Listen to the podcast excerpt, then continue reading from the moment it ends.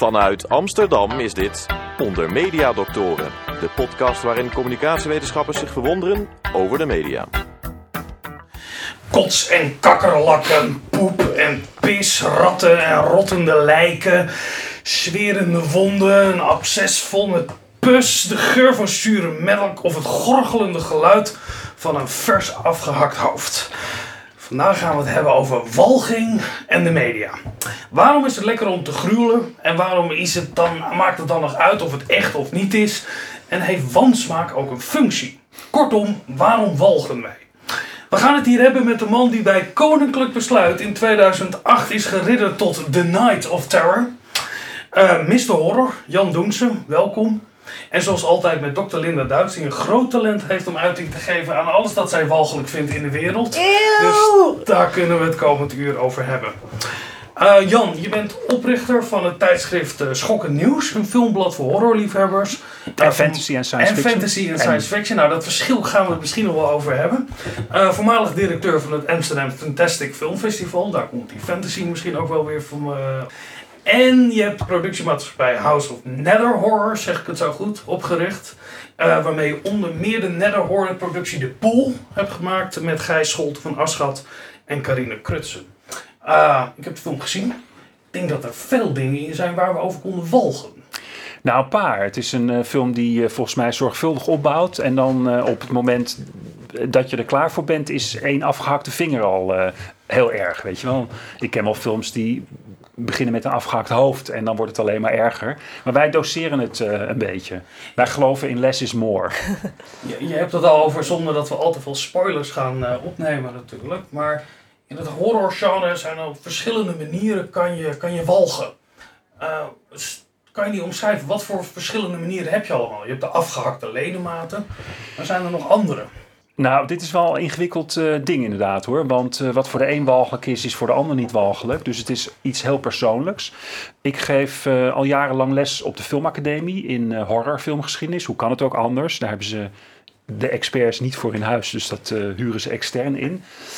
En, maar eigenlijk sinds, en ik, ik zeg dan altijd, horror is een heel gevarieerd en breed genre. Want het gaat van atmosferische horror waarin geen druppel bloed vloeit, tot aan over de top splatter horror à la Peter Jackson's Braindead. En alles wat ertussenin zit. Daar ben ik een beetje van teruggekomen sinds ik de pool heb geproduceerd. Want toen merkte ik gewoon, nou ik merkte gewoon om te beginnen hoe die film werd ontvangen. En dat was heel anders dan ik had verwacht en gehoopt. Uh, maar ik merkte ook dat het belangrijk is om binnen het genre een duidelijk onderscheid te maken tussen de meer psychologische horror en de meer fysieke horror. En uh, niemand minder dan Boris Karloff, de acteur die uh, wereldberoemd is geworden als het monster van Frankenstein. Die heeft eigenlijk al heel lang geleden gezegd van eigenlijk moet je een onderscheid maken tussen horror en terror. En nou is terror tegenwoordig natuurlijk een beetje een beladen begrip. Maar terror is meer de horror die zich in je hoofd afspeelt. En horror is meer Weet je wel, uh, dat, dat werkt meer op de maagstreek, zou ik maar zeggen. En daar zit volgens mij meer de echte, nou de walging waar jij op doelt. Maar ik denk dat er net zo goed uh, heel veel walging in je hoofd kan zitten. Maar is dat het verschil dus, tussen surprise en suspense? Dat je de horror hebt van uh, iets gruwelijks wat in your face gebeurt? Nou, je kunt wel zeggen... suggestie dat je weet dat je eigen geest misschien nog wel gruwelijker is dan wat je ooit als filmmaker kan tonen. Dat is sowieso uh, een feit. Ik bedoel, wat je, wat je niet ziet is altijd enger of walgelijker uh, dan, je, dan wat je ziet. Want al die horrorfilms, uiteindelijk zie je het monster en denk je, oh, oké, daar, I can deal with that. In. Gaat, gaat dat ook mee met uh, de seksuele tijdsgeest? want je zegt dan de jaren 60 dat dat heel heftig was. Dat verbaast me dan in zekere zin weer niet. Net voor de uitzending zei je dat we nu eigenlijk in een hele magere periode zitten qua horror in de bioscoop. Dit is ook een tijd waarin, uh, vind ik, we best wel een beetje aan het verpreutsen zijn. Ja, nou, dat zijn we al heel lang hoor. Uh, is, is het ook niet zo dat, dat, zou dat samengaan, zeg maar? Die pieken in seksuele vrijheid met ook pieken in, uh, in horror? Uh, wie weet eigenlijk. Ik moet zeggen, de jaren 70 waren natuurlijk het tijdperk waarin ineens porno gewoon in de bioscoop draaide. Maar niet zo'n beetje porno ook. Echt keiharde porno. En dat was gewoon, weet je wel, dat, dat was salonveeg. Daar kon je gewoon nou, draaide in gewoon een bioscoop. Dan kon je gewoon in de city keiharde porno zien. Dat, met z'n allen, ja. Met z'n allen. In de zaal. Ja. In de zaal. Um, maar ik moet zeggen, in het horrorgenre gebeuren er ook wel dingen die je nu eigenlijk nooit meer ziet. Ik bedoel, met name in Spanje en Italië. daar werden horrorfilms gemaakt die echt eh, ontzettend kinky waren.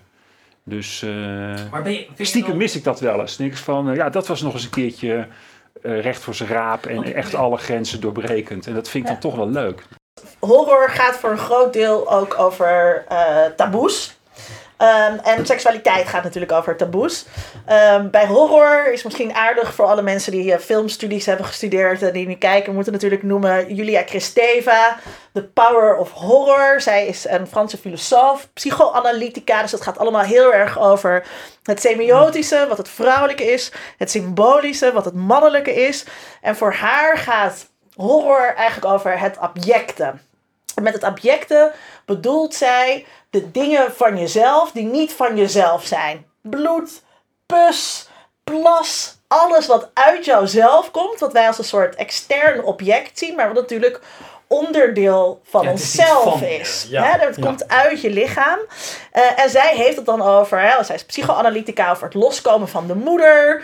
Eh, eh, eh, het loskomen tot jezelf komen, tot een identiteit komen. En om tot een identiteit te komen, om jezelf als individu te zien, moet je dat soort dingen als extern van jezelf gaan zien. Daar zit dus een hele problematische relatie in.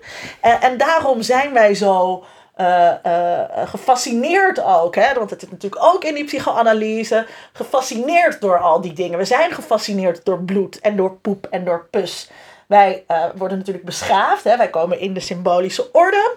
Dan moeten wij dus aanleren dat wij niet meer met onze poep gaan spelen, dat we dat ook allemaal vies moeten vinden. Maar er zit een enorme fascinatie in. Nou, dat zijn dus allemaal dingen ook die eh, de taboe-elementen van je lijf.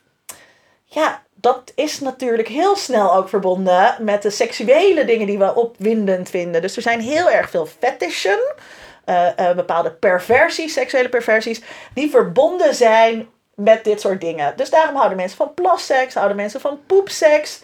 Eh, eh, zit dat er ook allemaal in, eh, dat lichamelijke, waar we heel erg van kunnen walgen, waar deze aflevering over, ook over gaat, brengt natuurlijk ook die fascinatie eh, met zich mee.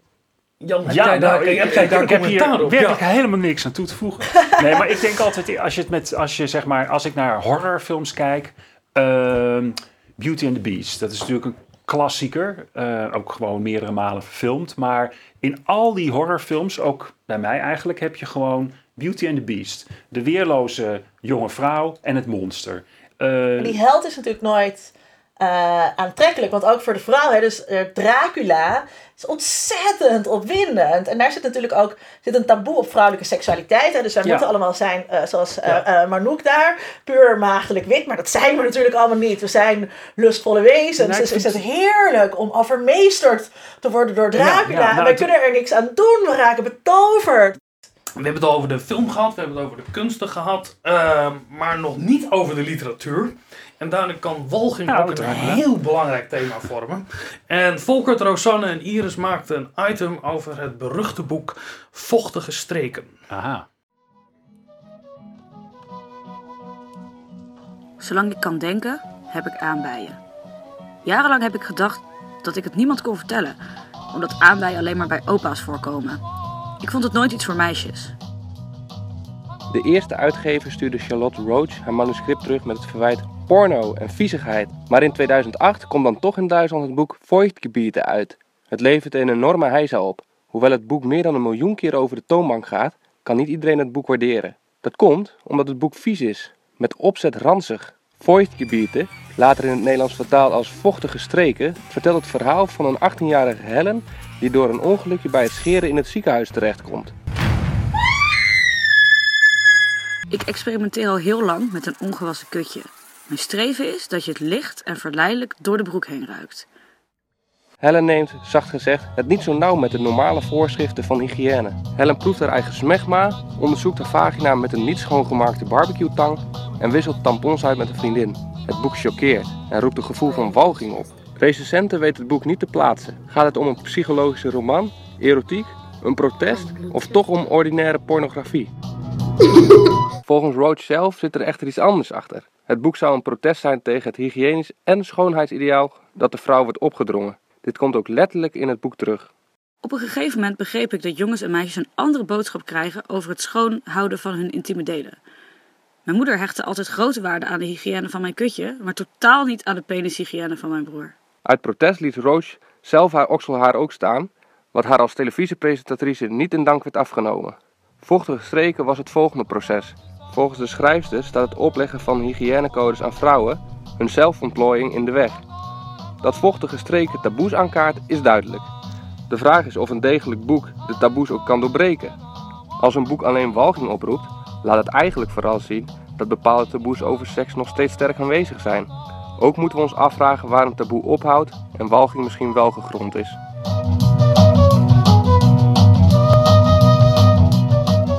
Zijn wel eens taboes doorbroken door horror? Ja, dat denk ik wel. Ja. Ja, Is dat wenselijk ook? Eh, dat denk ik zeker, ja. Ja? Ja, ja. ja. Want over seksualiteit, je haalde al eerder films uit de jaren 70 aan, waarin eh, misschien wel eh, op een hele andere manier andere alternatieve levensstijlen getoond werden. Ehm, gaat daarmee ook het effect van horror, horror niet verloren?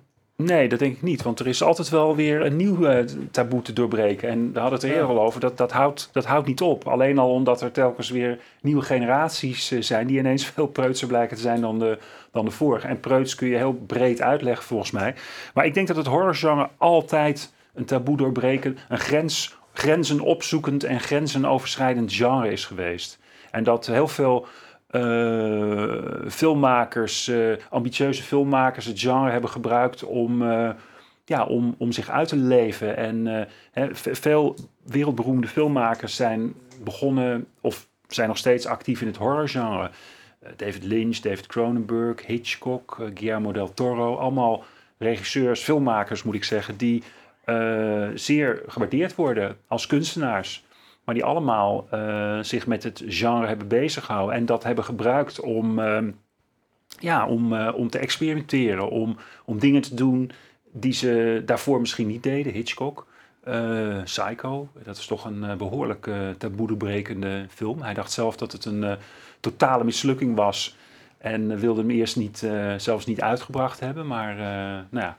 Ik moet ook denken aan, eh, aan The Shining, eh, eh, kindermisbruik, Ja. waar die film toch Nee, je kunt in het, hor- het horrorgenre, en dat is een, een, een, een, probleem waar ik heel veel tegenaan loop, dat veel mensen het horrorgenre niet serieus nemen en, en zeggen van ja, maar dat is allemaal flauwekul en er is al genoeg ellende in de wereld. En dan denk ik van maar het horrorgenre is juist bij uitstek geschikt om je zeg maar daarover te laten nadenken, er iets mee te, te- je er bewust van te maken. Eh, lichaamssappen en noem maar op, David Cronenberg. Ik bedoel, als er iemand is die mij helemaal door elkaar heeft gerammeld toen ik eh, een tiener was en me heel erg geconfronteerd heeft met wat er allemaal in een mens zit hè, en wat er allemaal uit kan komen en, en dat je ziek kunt worden en, en, en, en eh, dood kunt gaan, dan is het wel David Cronenberg.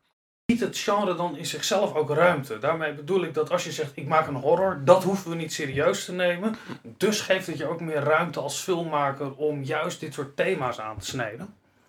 Nou, ik denk dat het een genre is waarin je vrijer bent dan in welk genre eh, wat ik kan bedenken. Ja. Verder. Linda, zie je dat het ging over dat boek Vochtige Streken. Er wordt ook gezegd, eh, hè, er wordt een, een, een, een, een, een, een genderonderscheid wordt er gemaakt. Draagt dit bij aan een, eh, het grote emancipatoire project waar we nog steeds in zitten? Ja en nee natuurlijk. Dat, eh, ik, kijk, wat zij doet is inderdaad het aan de kaak stellen van die enorme cleanliness die er bij vrouwen, die van vrouwen verwacht wordt. Hè? Eh, alles moet heel schoon zijn, het mag nergens naar ruiken, we mogen het daar niet over hebben. In reclames is het menstruatiebloed altijd blauw. Eh, om ons daar allemaal maar niet aan te herinneren. En ik ben dus zelf niet zo van de psychoanalyse, maar die stap, zeg maar, naar Julia Kristeva en wat zij daar allemaal over zegt over dat object is natuurlijk heel klein. En dat vind ik prachtig in Alien bijvoorbeeld. Alien gaat echt over, eh, eh, over, over geboorte, weet je wel, en wat er uit je lichaam kan Geboorte komen. en dood en alles wat Ja, er en hoe vreselijk dat is. En die alien, die is zowel eh, een vagina dentata, hè, een, letterlijk een kut met eh, tanden. Tandjes, ja. Ehm, wat natuurlijk een horrorbeeld is voor heel veel mannen. Maar, maar ook nog heel fallies, hè, dat komt er dan zo uitzetten. Het staat voor allerlei dingen waar wij niet over willen praten. Die wij weg willen denken, die wij weg willen poetsen met allerlei netheid. Eh, en dat komt in, het, komt in het boek heel mooi naar voren. En ehm, eh, ehm, ik heb ook het idee dat horror is vooral een, een genre waar mannen eh, van genieten. Dat er misschien dus ook nog wel een taboe zit op vrouwen die genieten van horror. Nee, dat is al lang doorbroken. dat is, doorbro- dat is Ja, hoor.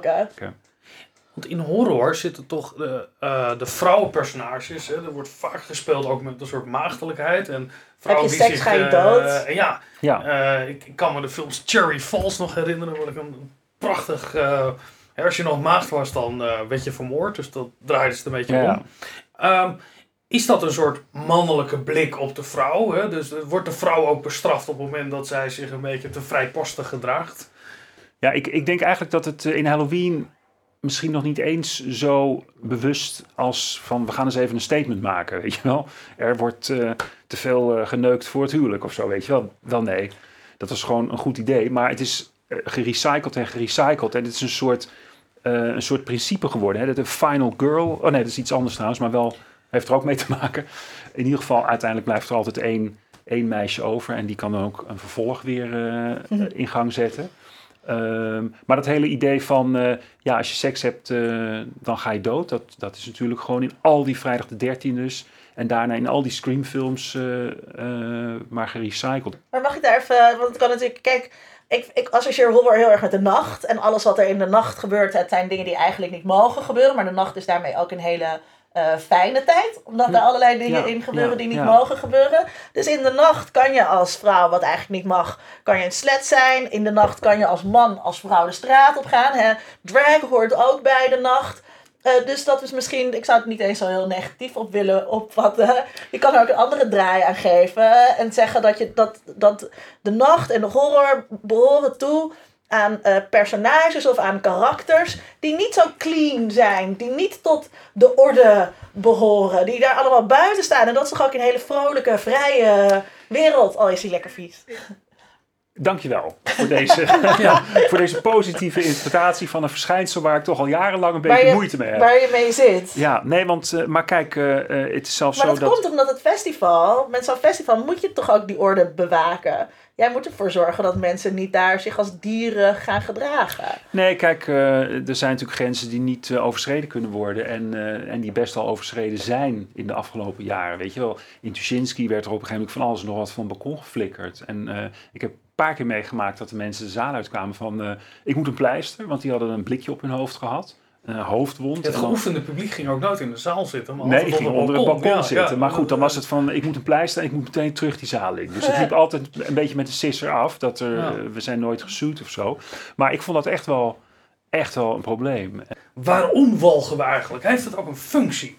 En ehm, nou ja, wij kunnen daar natuurlijk over nadenken. Maar het is veel belangrijker als we daar vooral de experts over aan het woord laten. En er is in Groningen een onderzoeksgroep, een klinisch psycholoog, Peter de Jong. Die doet onderzoek naar de walging in psychologisch of psychisch gebied.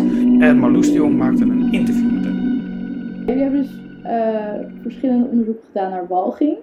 Eh, kunt u beschrijven wat walging is? Wat walging is, ja, walging dat is een hele sterke negatieve.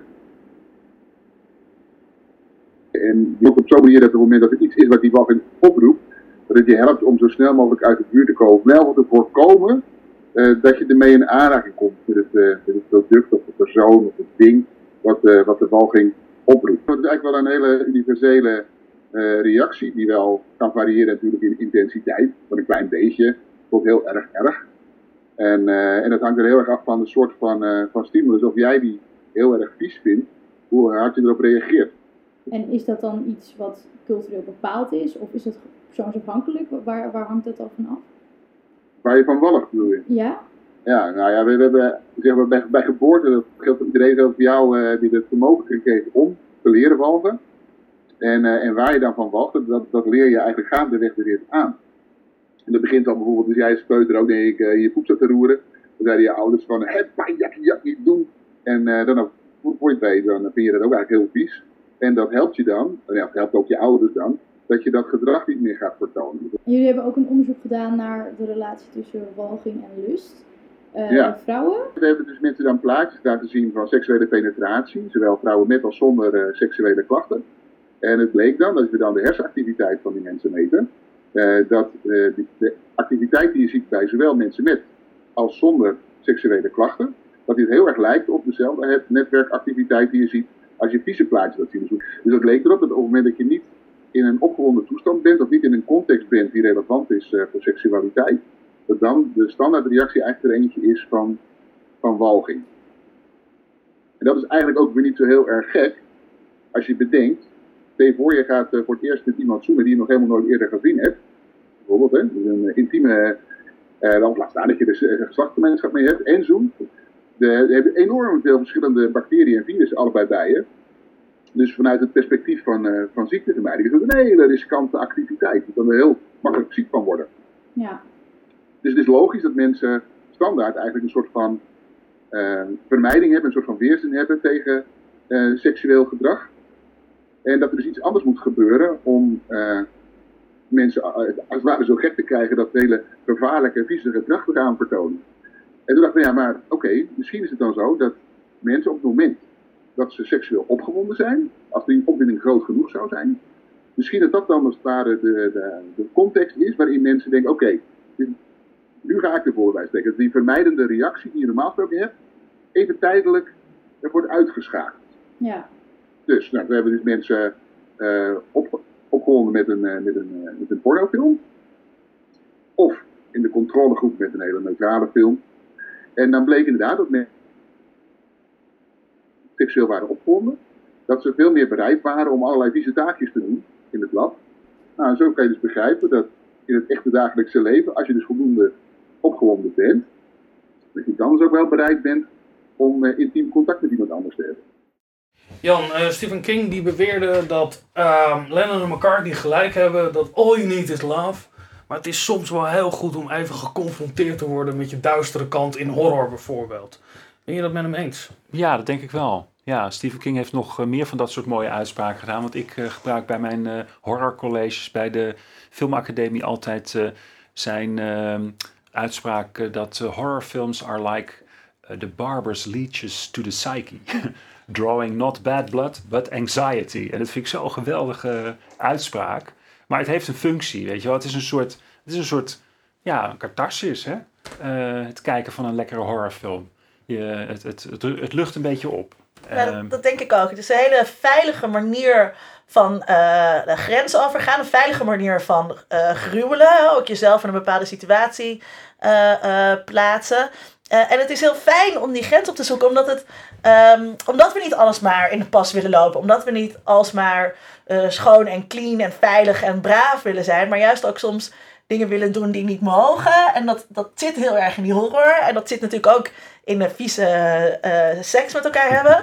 En daarin, uh, ja, daarin ligt ook de beschaving. Hè? Dat wij uh, dat hebben. Misschien kan je wel zeggen, hè? de kwaliteit van een beschaving kan je aflezen aan hoe goede horrorfilms ze maken. Ja, precies. En, en in hoeverre vieze seks een beetje wordt getolereerd. Ja, precies. Hè?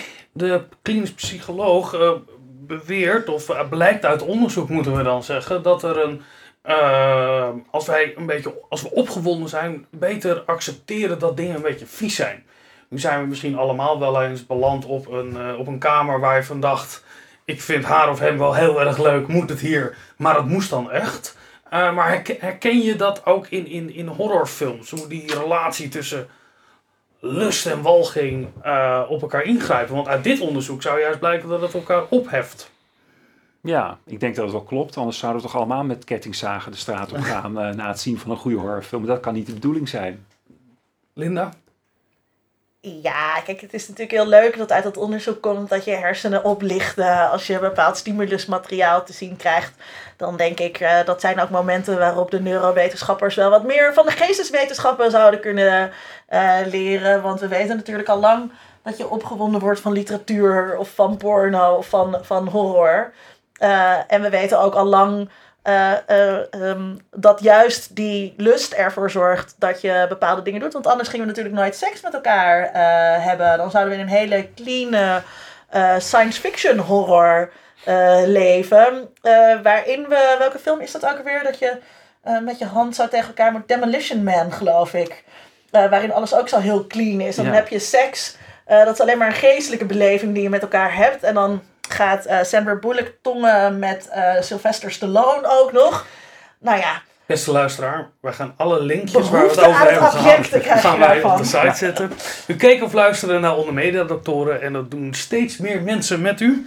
Wij waarderen dat zeer en adviseren iedereen om zich te abonneren op deze podcast. Dat kan via iTunes en ook via Stitcher. Tevens zijn wij ook te zien op YouTube en wellicht wel vanavond in uw nachtmerries. Alle informatie vindt u op ondermediadoktoren.nl. Ik bedank onze vrijwilligers Volkert Koehoorn, Iris Verhulstonk, Rosanne IJsink, Marloes de Jong en Sebastian van der Pol. Grote dank aan Linda Duits. Maar vooral aan onze gast, eh, de ridder eh, Jan Doensen. Heel veel dank. Dank jullie wel. Over twee weken zijn we er weer en dan gaan we het hebben over drugs en de media. Onder Mediadoktoren is een podcast van Vincent Kronen en Linda Duits. Meer informatie vindt u op ondermediadoktoren.nl.